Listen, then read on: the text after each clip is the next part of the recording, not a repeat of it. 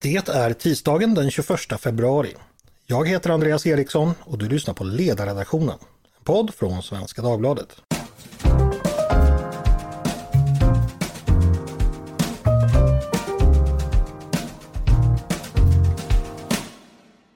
Varmt välkomna! Om tre dagar, på fredag, är det den 24 februari och därmed är det också ett år sedan den andra ryska invasionen av Ukraina inleddes. Under det år som gått har vi dagligen tagit emot nyheter från kriget. Vi har förfärats och vredgats över den ryska aggressionen och övergreppen mot civilbefolkningen. Men också imponerats och glatts med den ukrainska försvarsviljan och framgångarna. Nu går kriget alltså in på sitt andra år. Eh, läget är ovisst, inget slut finns i sikte. Eh, jag tror att det är många som precis som jag har många frågor om det som har hänt, varför det som har hänt och vad det är nu som väntar. Vi vet alla att den 24 februari 2022 förändrade vår värld. Men vad är det för ny värld vi lever i nu? En som vet mycket om det här, om kriget och framförallt om Ryssland, det är Oskar Jonsson, forskare vid institutionen för krigsvetenskap och militärhistoria vid Försvarshögskolan. Och väl känd från många mediasammanhang, bland annat tidigare här i podden också. Nu har Oskar skrivit en bok som heter Hotet från Ryssland och den har precis kommit ut. Så den ska vi prata om idag. Och därmed säger jag varmt välkommen till podden, Oskar Jonsson. Tackar så mycket Andreas, kul att vara här igen. Jättekul att ha dig här. Eh, vi ska prata om din bok, men först ska vi bara plocka upp en dagsaktuell sak. Idag på förmiddagen höll ju Putin ett tal igen. Finns det någonting du tycker är värt att säga därifrån? Dök det upp någonting nytt som du, du reagerade på?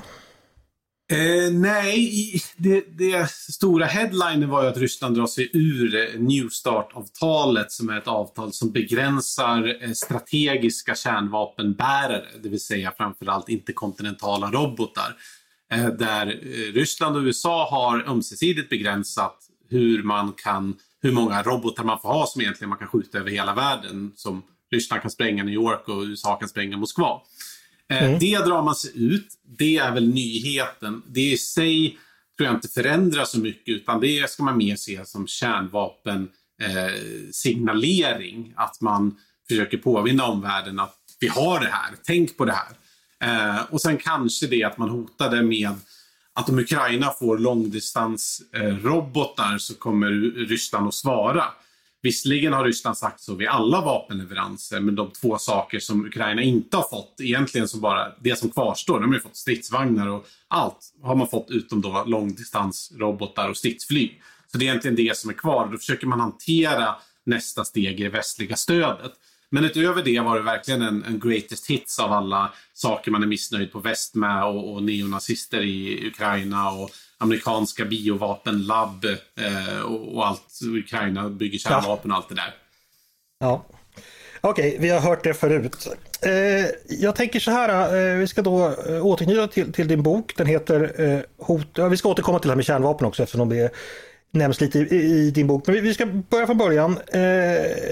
Boken innehåller verkligen många olika intressanta aspekter. Jag kan varmt rekommendera att man läser den. Eh, och den är ganska föredömligt kort och koncis också, eh, måste jag säga. Men först av allt, hur kom det sig att du har skrivit en bok och till eh, en, en, eh, en populärvetenskaplig bok, så att säga? Inte en, inte en akademisk bok, för du, du är ju forskare. Mm. I mean, jag skrev den här boken, tankarna började faktiskt redan för tre år sedan. Ehm, och det handlade om att jag ville egentligen ge min bild av hur Ryssland fungerar och hur hotet från Ryssland ser ut. Och jag tycker att man behöver, eh, liksom för att kunna svara på den frågan, man behöver man gå igenom ett gäng olika komponenter. Alltså det handlar om liksom vad som har format Ryssland, hur den politiska ledningen ser på världen, hur det ryska politiska systemet fungerar och sen hur de ser på Sverige. Och hela den första halvan handlar om intentionen, varför Ryssland är ett hot. Och om man köper det eh, så kommer den andra delen som tittar på förmågan. Hur är Ryssland ett hot? Eh, och där går det igenom då det militära, cyber, informationsaspekten och så vidare. Så det är egentligen eh, jag som kände att man behöver se alla de här delarna tillsammans för att kunna ge ett svar på frågan. Ehm, och varför det är en populärvetenskaplig bok är för att det ger, eh, vad ska man säga, en liten friare eh, liksom stilistik och framförallt så ska den nå ut mycket bredare. Alltså det som kännetecknar vetenskapen är att det är peer-reviewat för en vetenskaplig debatt. det här är för en intresserad allmänhet. Eh, mycket av boken bygger ju på saker jag forskat om i liksom 10 plus år, men det är också baserat på erfarenheter, till exempel. Jag har utbildat diplomater som berättar om så här fungerar det att förhandla med Ryssland. Eh, och det är ju inte ska man säga, vetenskap i sig, utan det är ju mer eh, liksom beprövad kunskap. Så att, eh, det är mycket av boken som är byggd på vetenskap, men det är också delar som är ska man säga, berättelser, känsla, intuition eh, och därför också för det breda anslaget är den populärvetenskaplig. Here's a cool fact. A crocodile can't stick out its tongue. Another cool fact, you can get short-term health insurance for a month or just under a year in some states. United Healthcare short term insurance plans are designed for people who are between jobs, coming off their parents' plan, or turning a side hustle into a full time gig. Underwritten by Golden Rule Insurance Company, they offer flexible, budget friendly coverage with access to a nationwide network of doctors and hospitals. Get more cool facts about United Healthcare short term plans at uh1.com. En av utgångspunkterna du nämner det är ju det här med att eh, det tycks som vi ibland har haft svårt att förstå Ryssland och eh, en, en, av poängerna med den bok det är ju just att försöka avmystificera lite det här med, med det ryska hotet som ibland framstår som både stort och diffust för, för många. Eh, men, men, det finns ju en anledning till det. Det, det är ju det att vi ibland har haft fel om Ryssland, eller ganska ofta faktiskt. Och det, det är ju en, sagt, en utgångspunkt där du berättar hur vi i Sverige och även resten av väst ofta har landat lite fel när det handlar om rysk militär och rysk utrikespolitik och även hur Ryssland fungerar inifrån. Eh, att både politiker och andra beslutsfattare helt enkelt ibland, aj, vi har inte så bra track record här helt enkelt.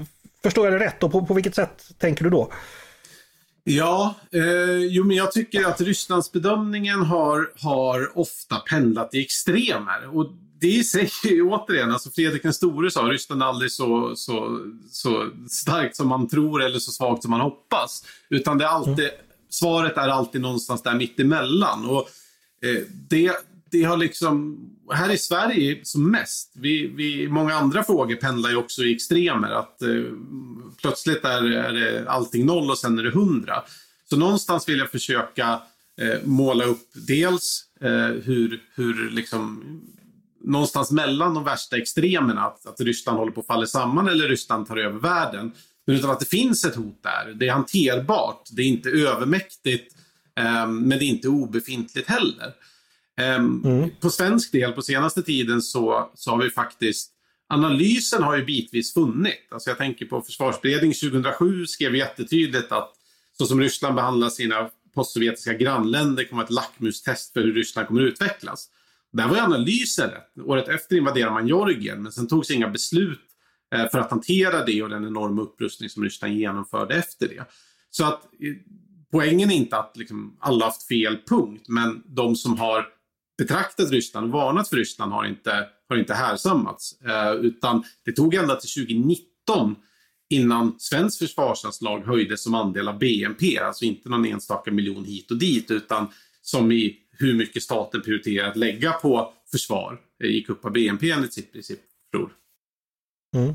Ja, det, ska säga, det tycker jag verkligen är bokens styrkor, att den är nyanserad eh, och den, eh, den håller sig långt borta från de här, som du säger, tvära kasten och överdrifterna. Ja, man, det finns många anledningar att ha, ha ont i magen över hotet från Ryssland, men när, när, du beskriver det så blir det ändå på något sätt som visar att ja, det finns, men det är också och det är reellt, men det är också som du säger hanterbart om man då agerar rätt. Mm. Eh, jag tänker en sak, du, du pratar lite om Rysslands närtidshistoria som då förklarar hur, hur vi har hamnat här.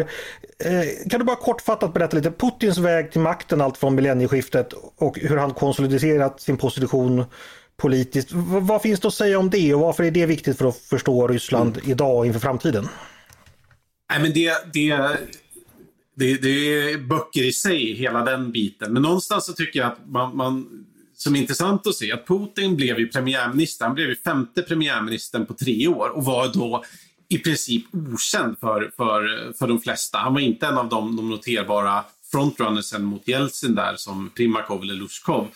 Utan han kom dit och gav det Jeltsin behövde. Han sa rätt ord i Jeltsins öron, att han var för demokrati Och han lovade eh, immunitet till Jeltsin och Jeltsins familj, vilket gjorde att han, han fick ta över makten. När han kom till makten så eh, kampanjerade han eh, i princip opolitiskt inom situationstecken på en plattform som man idag skulle kalla för lag och ordning och antikorruption i Sverige. Och han kommer dit i ett extremt krisfullt 90-tal i Ryssland. Ryssland har haft eh, flera ekonomiska kriser, man har haft kuppförsök, Jeltsin har bombat sitt eget parlament, man har de facto inte kontrollerat sitt eget territorium under sju år när Tjetjenien har varit självständigt. Och han kommer dit och bara säger jag ska erbjuda stabilitet. Um, och det gör han. Och han börjar sina första år vid makten att balansera mycket mellan olika funktioner. Han tar några av Jeltsins lite mer liberala personer som, som premiärminister, som finansminister. Men samtidigt så börjar någonting som kommer få eh, mycket konsekvens för resten av hans decennier vid makten. Han börjar ta kontroll över media. Han slänger ut våra viktigaste de viktigaste mediaoligarkerna, Boris Berezovsky och Vladimir Gusinski. Eh, och sen så gradvis börjar han ta kontroll över ekonomin. Chodorkovskis Yukos, Rysslands största oljeproducent, tar hans eh, vänner från Petersburg kontroll över. Och sakta, sakta så tar han kontroll över det politiska livet, avskaffar guvernörsval, eh, knäcker oppositionen, inför mer restriktioner och sen tar kontroll över den ekonomiska makten och mediamakten. Eh, och någonstans eh, 10-15 år fram i tiden så har han en enorm kontroll över hela det komplexa land som Ryssland är. Och parallellt med att makten, han samlar makt till sig själv så växer ju också då en eh, känsla av misstänksamhet eh, och eh, att ja, den som har mycket makt vill förstås skydda den och då, då spelar vissa händelser en väldigt stor roll. Dels de så kallade färgrevolutionerna som då sker, sker i i, i Georgien och Ukraina och också den arabiska våren. Eh, och, ja, nu är det jättestora frågor förstås, men, men, kan du berätta lite vilken roll de här typerna av folkliga uppresningar och frigörelser, vilken spelar de för roll för, för Putin och hans innersta krets världsbild så att säga?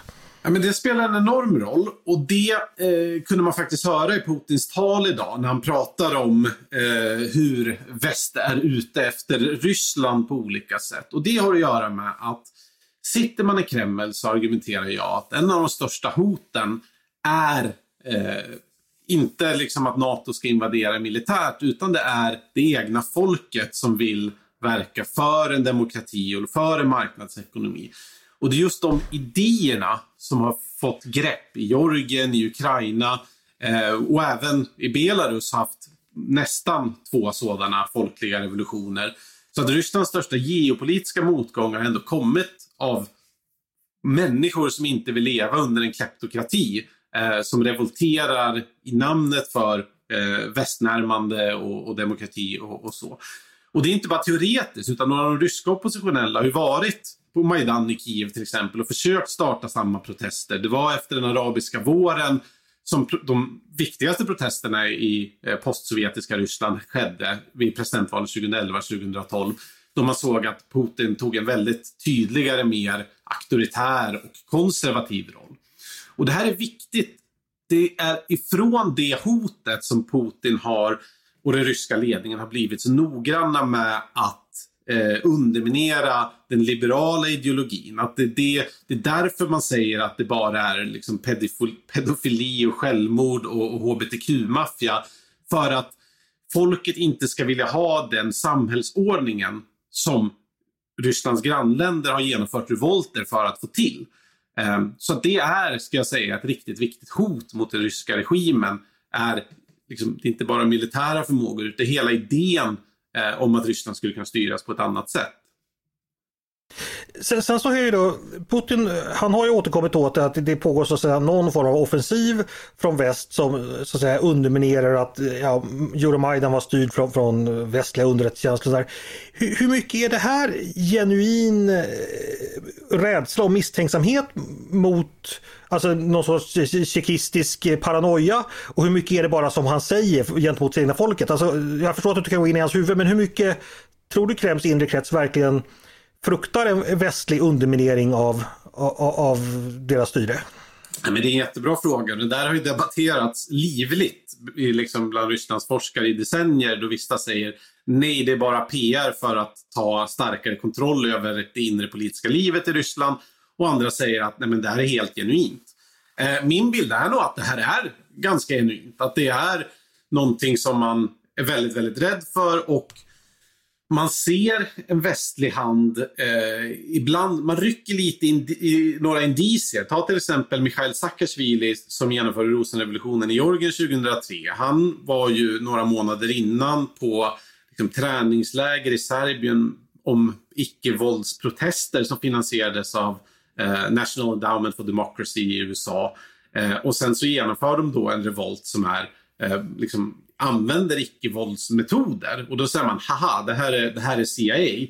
Eh, det var inte så att eh, då missar man ju det folkliga missnöjet med att eh, Edward Sjevardnadze försökte sno valet.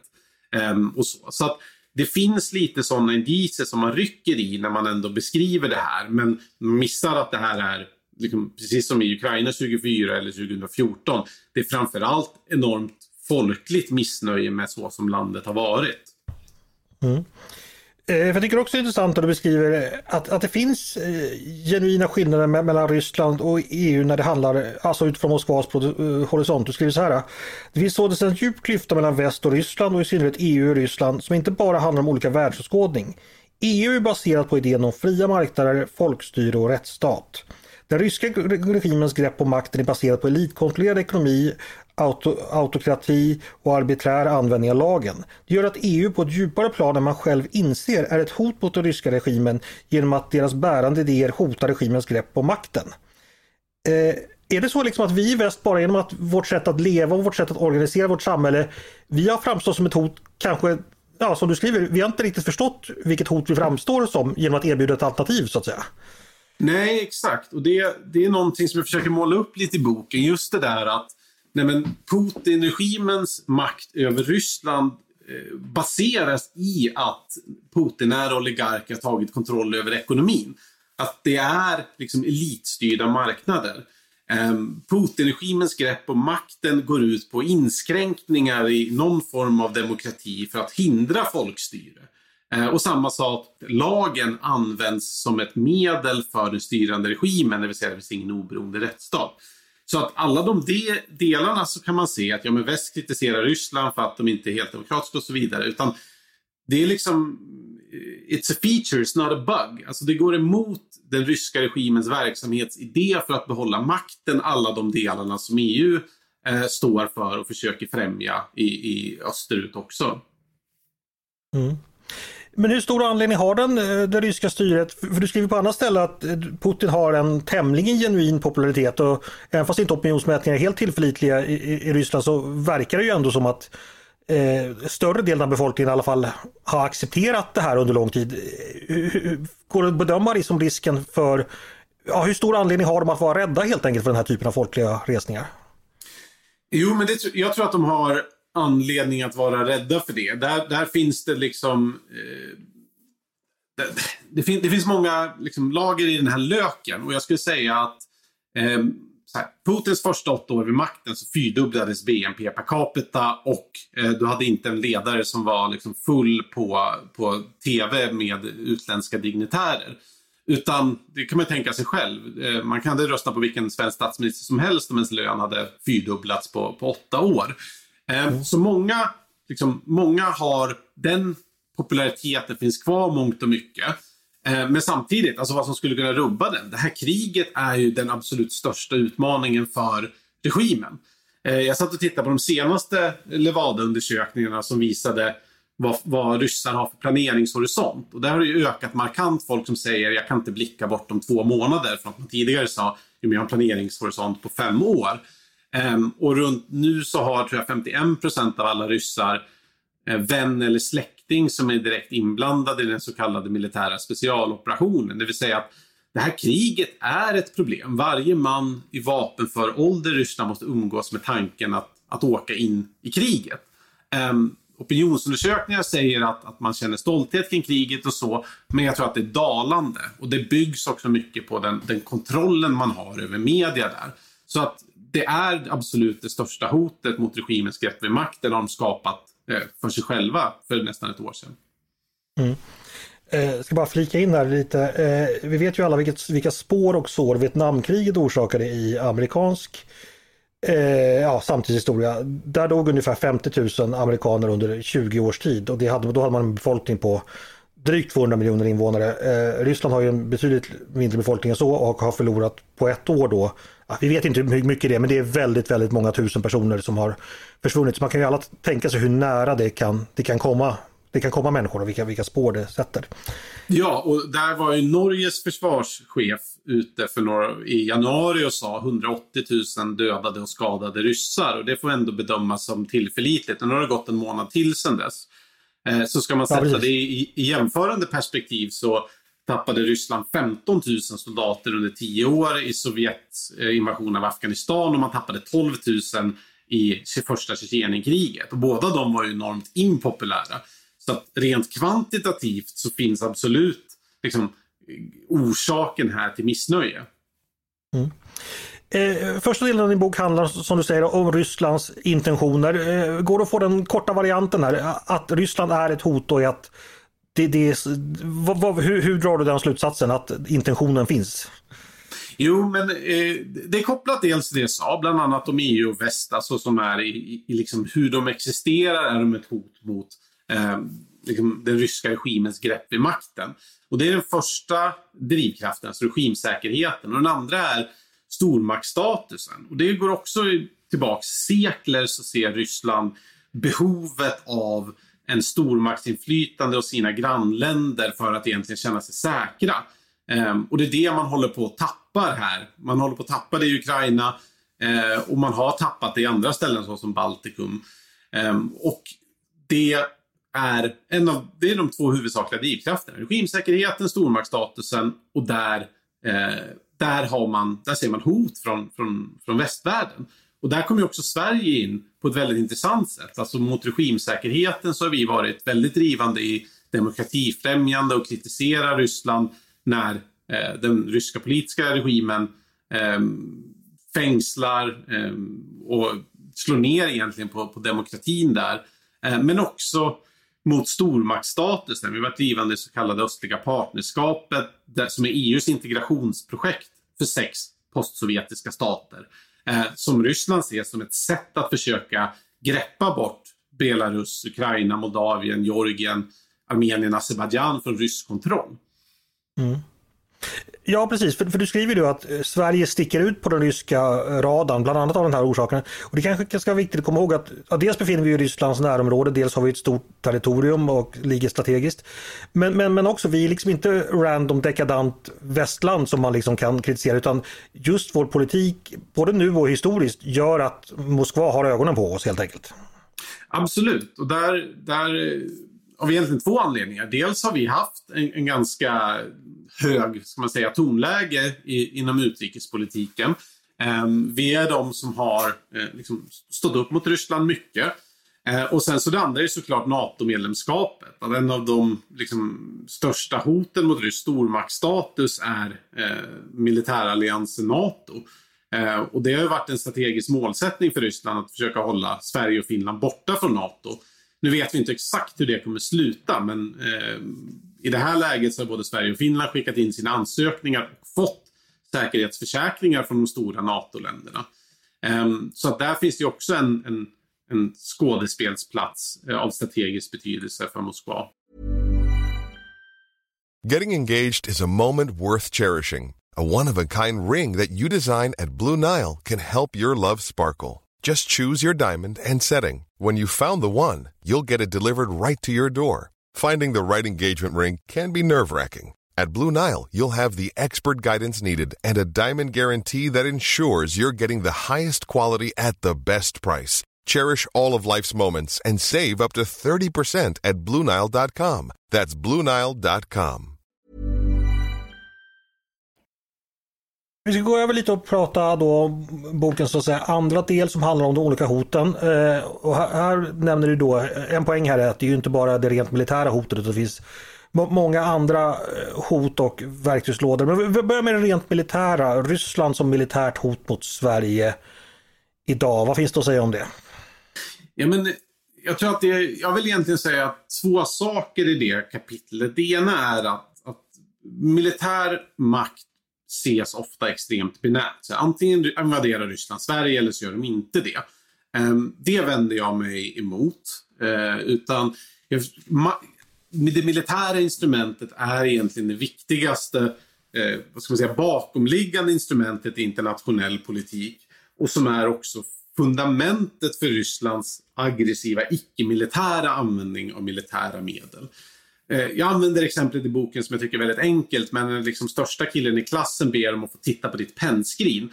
Så tänker du på hans våldskapital när du svarar. Det är exakt likadant eh, när Ryssland eh, ger liksom hot mot Sverige och, om att Sverige ska agera si eller så. Ryskt militärt våldskapital finns där alltid i bakgrunden.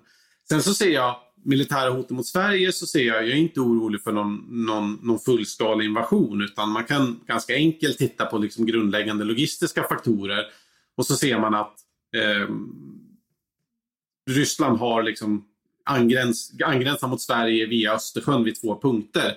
Kaliningrad är en exklav där man har försörjningsproblem som där och sen är det Finska viken. Så ska du på något sätt genomföra en invasion mot Sverige där så kommer du vara helt beroende av luftlandsättningsoperationer och landstigningsoperationer. Vilka som Ryssland har i det här kriget mot Ukraina genomfört noll framgångsrika mot försvarad terräng. Eh, sen finns det såklart vägen via Finland, men där har du ju Finland, eh, Europas tredje största artilleri och kan mobilisera flera hundratusen man på en vecka och så vidare. Så jag ser inte den fullskaliga militära invasionen, men det behöver inte betyda att man ska tänka bort det militära instrumentet. Det finns där i alla interaktioner med Ryssland men sen finns det också andra saker du kan göra med militära medel. Alltså jag använder bara ett exempel. Vad händer om Ryssland beskjuter Sverige med kryssningsrobotar? Hela Sverige inom skotträckvidd. Och det har man gjort en sån strategisk bombkampanj mot Ukraina under hösten och vintern. Just det. Eh, så går vi vidare till nästa hot då, det du kallar underrättelsehotet. Eh, det här är ju ett som är för de flesta antagligen mer diffust och man har mindre kunskap om. Eh, hur, vad finns att säga det? Hur ska vi värdera det hotet? Mm. Men jag tycker lite på samma sätt att, att man eh, ska un utvärdera underrättelsehotet i en form av gråskala. Inte oj, här är en spion, nu kommer hela svensk politik förändras. Utan någonting som långsiktigt försöker påverka svensk politik och säkerhet eh, i de olika delar. Jag tar lite olika exempel, både internationellt och från Sverige, där man jobbar under decennier för att rekrytera folk eh, som kan komma över hemligheter till en väl, läcka dem. Eh, det handlar om dels liksom, försvarshemligheter, det handlar om eh, teknologi, innovation eh, och det handlar, handlar om påverkans, eh, påverkansoperationer. Och det finns ju ingen påverkansoperation i sig som, här, nu svänger vi om hela svensk politik på grund av att en spion eller en, en agent gör någonting. Utan att man ska snarare se det som eh, som liksom en gråskala där man försöker främja eh, Rysslandsvänliga krafter. Man har sett det tvärs över Europa så bygger man, eh, bygger man förbund med alltifrån liksom kommunister till nazister. Alla som egentligen är tillräckligt mycket mot etablissemanget för att tycka att Ryssland är en bra idé är ofta det man försöker göra påverkansmässigt. Mm. Och så påminner du ju om de här eh, ja, reella spion och underrättelsehistorierna vi har haft i, i närtid. Och eh, en sak som jag hade faktiskt glömt bort, det var den här historien i, i Finland, ja, det, som vi inte riktigt vet vad det var för någonting, men i Åbolands skärgård där man gjorde en räd mot att man hade köpt upp öar och eh, ja, köpt in lite gammalt finländskt eh, försvarsmaterial. Eh, jag tror inte så många kommer ihåg den, kan du bara kort redogöra för den? För jag tror det är en bra påminnelse för, för folk. Ja, exakt. Jo, men för ett par år sedan så genomförde finska försvarsmakten, Säkerhetspolisen och polisen eh, största räden i modern historia mot Åbolands skärgård. Jag tror det rörde sig om 11 öar där en rysk oligark hade köpt och eh, börjat muddra hamnar, eh, byggt helikopterplattor, anrättat massa logementsängar. De hittade ungefär motsvarande 50 miljoner svenska kronor i kontanter. Eh, och det var ingen där och den här oligarken Pavel Melnikov som ägde företaget hade fått stora räntefria lån från skatteparadis, hade gjort sig skyldig över pengatvätt eh, och eh, ja, finska säkerhetspolisen slog till mot alla de här, konfiskerade dem och, och sålde dem. Eh, och hade typ ett år tidigare varnat för att eh, liksom utländska intressen bygger fästen som skulle kunna användas vid ett skymningsläge ungefär, vad, vad de sa. Ja, nej, men det, det är ett alldeles utmärkt exempel. Eh, sen är det ju det här när man pratar eh, hot när det gäller i den här domänen, då pratas det ju ofta om eh, så kallade aktiva åtgärder. Här tänker jag att det nästan har fått lite av en, jag gillar det inte riktigt, det har fått närmast lite mytisk status att Ryssland är någon sorts eh, allmän eh, spindel som kan gå in med olika metoder och göra lite vad som helst i väst genom kombinationer av hot och propaganda och, och mord och sådär. Alltså, för mig är det här fortfarande lite diffust hur effektivt det egentligen är men, eh, men ja, går det att säga någonting om det eller är det jag som är naiv bara nu? Eller vad, vad tänker du kring, kring, just de här aktiva åtgärderna? Nej, jag, jag håller med och jag tycker att, att det är eh, liksom, jag tror att det finns, jag tror att det är väldigt svårt att right-siza eh, de aktiva åtgärderna. Vi kan börja med, jag, jag citerar eh, KGB-avhopparen Jurij Besmenov eh, i boken. Och då så säger han, men när vi pratar underrättelse så, så tänker ni underrättelseinhämtning. Alltså hemlig avlyssning och man är klurig och försöker lista ut vad en motståndare tänker. Så tänker vi väldigt mycket kring underrättelsearbete i väst. Medans det säger han då, det är 15 procent av vad då KGB gjorde. Medan 85 procent av det är aktiva åtgärder, det vill säga försök att påverka politiska skeenden. Eh, och det är ju någonting mycket eh, mer intressant och någonting mycket värre i det. Eh, men det är eh, liksom, där finns ju hela spektrat från saker som ser helt larviga ut och får ingen effekt. Och så finns det spektrat från sakerna som eh, knyter an perfekt med olika ryska operationer. Alltså några sådana exempel var ju då 2007 så höll man på att bygga upp eh, prorysk etniskt nationalistiska grupperingar på Krim. Och sen 2014 vid den invasionen där, ja då hade du ju en mänsklig infrastruktur av folk som kunde eh, gå och protestera utanför Krims parlament. Eh, och du kunde sätta en prorysk eh, Krimpolitiker som borgmästare under vapenhot. Och att där så knöt de aktiva åtgärderna samman med den bredare strategiska eh, målsättningen. Så att jag tror att det, det, mycket av det där kan framförallt uppfattas som helt eh, irrelevant och mycket av dem är irrelevant, får ingen effekt. Men jag tror att det viktiga är att förstå att det är väldigt mycket som pågår och eh, funkar inget, visst det kanske inte är något problem, men då, kanske, då, då försöker man också fem andra saker samtidigt. Eh, och det är mm. svårt att veta exakt vad för effekt det ger i slutändan. Nej men precis, för det beskriver du också att du jämför det till och med med någon sorts tech-entreprenör som prövar olika saker. Mm. Och eh, är man bara beredd att ta lite risker samt ha resurser, alltså folk som jobbar med det här uthålligt, så kan man ju testa ganska många saker och ja, ibland få väldigt bra utdelning. Kanske på grund av mm. ren tur men det spelar ingen roll i slutändan om man ändå uppnår sina strategiska mål med hjälp av någonting som inte egentligen var meningen att göra det från början så att säga. Mm. Eh, så det tycker jag är en väldigt intressant aspekt. Sen pratar du också om cyberdomänen förstås, någonting eh, som är då väldigt intressant och påpekar att Sverige, vi har ju långt gångna i digital konkurrenskraft och digitalisering. Inte lika långt när det gäller säkerheten verkar det som, att det finns en, så att säga, ett, en läge däremellan. Hur sårbara är vi egentligen?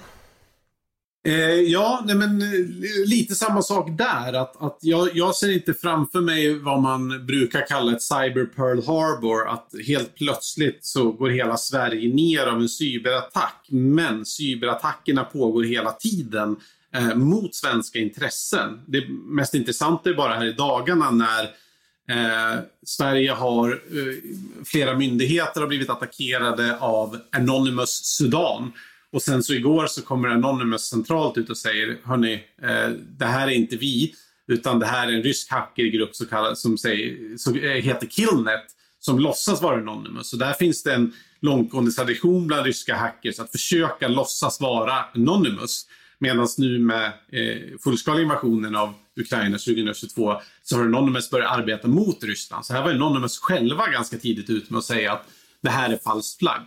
Nej, så att eh, cyberattacker pågår. Eh, så här, absolut handlar det om att, att stjäla liksom, svensk konkurrenskraft och så vidare. Och det är inte nödvändigtvis ett jätteproblem. Men det är snarare eh, om man kan slå ut saker såsom elförsörjning eller liksom finansiella systemet. Och det är liksom det är det stora priset och det är ingenting man gör bara sådär. Men det har man lyckats göra i Ukraina. Både liksom finansiella institutioner och energisystemet.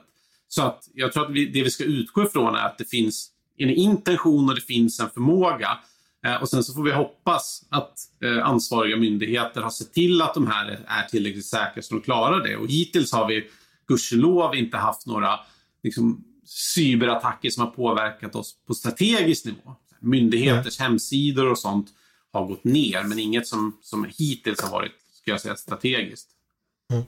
Ska jag säga det till lyssnarna också att det är givetvis så att eh, Sverige som ett land med hög IT-kompetens är ju naturligtvis våra myndigheter är förstås medvetna om det här och det finns ju också myndigheter som arbetar. Eh, ja, vi vet inte exakt, exakt hur de arbetar och hur framgångsrikt det är och det ska vi inte heller veta. Men, men medvetenheten finns naturligtvis och det är ju inte så att vi står oförsvarade där, tror jag inte. Eh, en sista eh, sån här arena, det är det här med informationskrigsföring som har fått jättestor uppmärksamhet också. Hur mycket man kan påverka opinion och politik. Här är jag och jag vet att andra som jobbar med politik, vi har alltid varit lite skeptiska mot liksom, ja, de mer grandiosa bilderna att liksom Ryssland kan avgöra val i väst och sådär. Fast å andra sidan finns det någon som tror att man kan det. Eh, var landar du någonstans där, där det gäller eh, Rysslands förmåga i den domänen? Jag, jag tror eh jag tror så här. Jag tror först av allt måste man lägga in ett par brasklappar som vanligt. Jag kanske börjar bli tråkig med det. Men jag tror att det finns ett jätteproblem med att förstå informationsoperationer. Alltså om syftet med en informationsoperation är till exempel att nå Tucker Carlson och säga någonting dumt. Eh, så kommer det liksom börja i ryska källor, det kommer tvättas av ryssvänliga källor, sen går det in till alternativmedia och sen går det dit. Eh, men är det då en rysk informationsoperation om en, när, om en person som Tucker Carlson säger någonting ryskvänligt? Nej, det behöver det inte vara. Men det kan vara ett narrativ som har letat sig hela vägen dit. Och det gör ju att den där vart så säger man att en informationsoperation börjar och slutar. I, i min bok tar jag upp Krag-exemplet där eh, ryska militära underrättelsetjänsten hackar en brittisk tankesmedja, rysk statsmedia publicerar att eh, liksom Storbritannien bedriver politisk krigföring mot Europa. Och sen så når det hela vägen till eh, Aftonbladet Kultur som säger att Martin Krag är en brittisk spion. Eh, vart liksom, är det här är det här ryskt eller är det bara någonting man har slängt ut där och sen så tar det ett eget liv? Och jag mm. tror att för dig som jobbar med politik och, och media så tror jag att du kanske kan vara skeptisk mot informationsoperationer. Men jag tror också du kan eh, kanske hålla med om att mycket av liksom, tykonomin styrs av väldigt eh, liksom, godtyckliga, snabba drev. Där liksom alla springer på en boll eh, och det behöver inte vara väl genomforskat. Det behöver inte vara eh, liksom, det behöver inte vara, det behöver inte ens vara någonting för att det ska bli en stor fråga. Och det tror jag är ett stort problem inom liksom hela journalistiken. Eh, att det är, det, liksom, jag skulle inte beskriva det som robust, eh, till exempel med liksom, källgranskning, faktagranskning och kunskap inom den bredare journalistiken.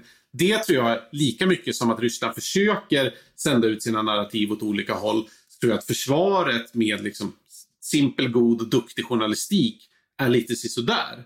Eh, mm. Så det tror jag är någon, en del av det. Jag ska väl, eh, ja, nu ska det inte egentligen bli parlamenterande det här, men jag ska säga så att jo, problemet är, är ju snarast då att att Tucker Carlson finns och att Fox News har den positionen i amerikansk politik. Och den mm. positionen har ju inte han eller Fox News fått av Ryssland. Den har ju fått av utveckling ja. inom amerikansk politik från liksom väldigt, väldigt många olika krafter. Och av samma anledning, det är liksom inte Ryssland som har gjort att Aftonbladet Kultur just den här gången var öppet för det. Och jag menar, Aftonbladets kultur får väl vara skeptiska mot NATO-propaganda ifall de vill. Det tillhör ett fritt samhälle så att säga. Eh, och jag tänker också så här att det finns ändå en viss resiliens. För om du tar Kragaffären. Jag förstår att den var väldigt obehaglig för Martin Krag. Men den slutar ju trots allt med att Aftonbladets kultur mer eller mindre skandaliserades. Martin Krags position idag är ju mycket, mycket stark och jag menar, ja. Eh, så att jag menar, ja, det är lite den där att man målar upp jag, jag, tror man försöker, ibland tror jag vi blir lite väl rädda och det fördunklar klarsynen lite. Man ska nog ta det här för vad det är och inte alltid riva upp himmel och jord. För då har också så att säga fienden vunnit ifall vi låtsas att han kan åstadkomma mer än vad han har gjort. Liksom, exakt, med ganska exakt. enkla medel. Och, och nej, eh, så, så tänker jag.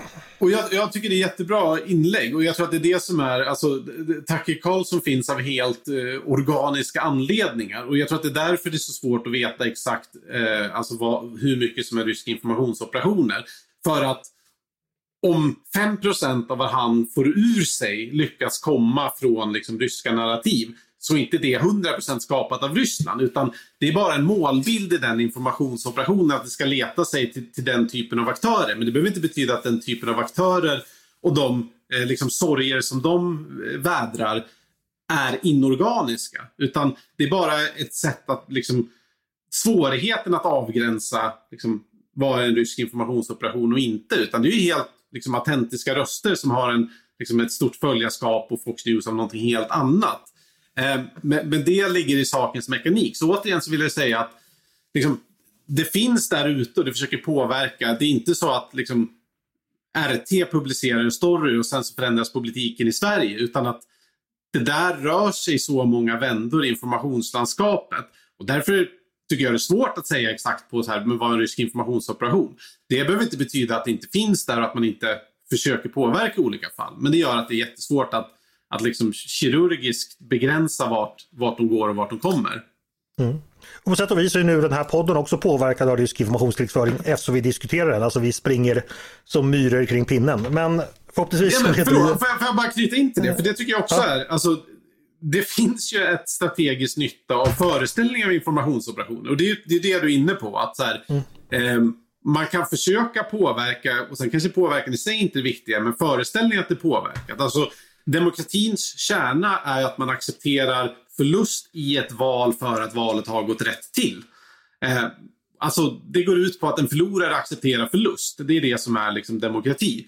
Eh, och lyckas man sätta bilden att valet inte har gått rätt till, så som till exempel Trump gjorde och sa att valet var stulet. Mm. Ja, men då har man lyckats med någonting också. Så att även föreställningen om informationsoperationer har nytta och därför är det också viktigt att right-size även dem. Mm, så är det. Eh, men jag tror faktiskt att vi, vi led, åstadkom inte kunskapsförbistring här utan fått lite klargörande just nu. Eh, vi ska ta en runda av. Jag tänkte bara höra eh, lite dina tankar kring, kring krigets fortsättning och sådär. En sak ska jag säga, det hinner vi inte ta upp nu, men en väldigt intressant del i Oskars bok där han beskriver hur, hur krigets inledning och hur, hur nära faktiskt det var att eh, ryssarna lyckades åstadkomma betydligt värre skada än de faktiskt gjorde i samband med att de anföll Kiev i början och att eh, ja, det hängde på ett hår där ett tag. Det, det var en nyttig påminnelse för mig. Eh, men men det, det pågående kriget eh, i, i, i då Ukraina, vad har du att säga om det? Har, har den ryska mångomtalade offensiven, har den, har den inletts igen eh, redan? Eller vissa säger det, vet vi det? Eh, ja, det beror lite på vem du frågar. Frågar du mig så ska jag säga att den har startats och den har pågått. Eh, det pågår inte en offensiv utan flera mindre offensiver på olika håll. Eh, och det verkar vara det som Ryssland kan frammana här och nu. Ukrainska generalstaben varnade för liksom, eh, liksom ny stor offensiv mot Kiev och så vidare. Men det tror jag inte alls på. Utan nu verkar man ha slängt in det man har eh, i ungefär fem olika anfallsriktningar längs med fronten. Eh, och det är ju intressant för att nu verkar man gå till offensiv utan några egentligen enorma styrkor i det här, vilket jag tror ger ett bra läge för Ukraina. Står man emot den här offensiven, bygger upp med de västliga vapnen som kommer, alltså stridsvagnar, stridsfordon med mera här under våren, så kan Ukraina ha väldigt bra möjlighet till en motoffensiv eh, vad det lider. Mm. Eh, bara kort för svensk del. Vi sa nu att det kommer fortsätta med vapenskrammel. Kärnvapen kommer återkomma i retoriken eh, allt oftare. Vad har du för råd till, till svenska politiker eh, just nu eh, den närmaste tiden för att förbereda oss så gott de, vi kan inför det som väntar? Men det, det främsta är att utnyttja det här andrummet vi har fått i och med att två av Rysslands starkaste instrument nu är rejält försvagade. Alltså de väpnade styrkorna och energimedlet. Um, det gör att Ryssland kommer vara svagare inom de domänerna de kommande åren. Men det behöver inte betyda att Ryssland på något sätt är ett mindre hot långsiktigt. Snarare så eh, möter vi ett lite svagare men väldigt mycket argare Ryssland som är övertygade om att man är i en existentiell konflikt med väst. Och det måste vi hantera på sikt. Så att agera eh, är mitt råd. Men sen är det andra också att eh, om det slutar väl för svensk räkning, det här kriget, eh, om Ryss, även om Ryssland åker på en väldigt förmjukande förlust och liksom, eh, kapitulerar och så vidare. Att hamna inte i den här illusionen att Ryssland bara försvinner och inte kommer vara ett problem igen. Utan tittar man av sekler av rysk eh, liksom, historia så är det väldigt få år de inte har haft en konflikt med väst. och västerut. Utan se Ryssland som ett beständigt hot, även om deras exakta form pendlar lite baserat på dagsläget. Mm. Också lite inskärpt lite sense of urgency, för det här andrummet kan också bli kortare än vi kanske föreställer oss idag. Ja, eh, exakt. Och det, som analytiker får man planera för det värsta. Eh, men så här, tittar du på rysk vapenindustri så producerar de ungefär 40 moderna stridsflyg om året. Det vill säga att de har fler moderna stridsflyg idag än vad de hade när kriget startade. För de har bara tappat runt 35 moderna stridsflyg. Eh, de, om två år kan de ha återuppbyggt antalet moderna stridsvagnar. Så de tappar väldigt mycket, många icke-moderna. För att eh, fabriken i Uralvagonsavod går, går i skiftgång och så vidare. Så jag tror, jag vänder mig mot den här föreställningen att okej, okay, nu kommer Ryssland vara förstörda, försvagade för ett decennium. Det tror jag inte alls, utan det är något som en stormakt gör när de förlorar är att de ser till att bygga upp sig själv. De säger inte, hörni grabbar, det här med militära och bråk med väst funkar inte, nu gör vi något annat. Utan snarare oroar jag mig för den revanschismen som kommer att finnas i, i folks huvuden framgent. Mm. Det blir varningsord att avsluta med så hoppas vi att så många som, som möjligt eh, lyssnar på dem. Stort tack eh, Oskar Jonsson för att du kom och pratade med mig idag. Tack du Andreas. Och tack till er som har lyssnat också på Ledarredaktionen, en podd från Svenska Dagbladet. Ni är varmt välkomna att höra av er till redaktionen med tankar och synpunkter på det vi precis har diskuterat eller om ni har idéer och förslag på vad vi ska ta upp i framtiden. Då bara mejla till ledarsidan snabla svd.se. Och jag ska bara upprepa namnet på Oskars bok förstås. Eh, den heter Hotet från Ryssland och eh, ja, går väl att köpa där böcker går att köpa. Stort tack för idag! Eh, dagens producent, han heter Jesper Sandström. Själv heter jag Andreas Eriksson och jag hoppas att vi hörs snart igen.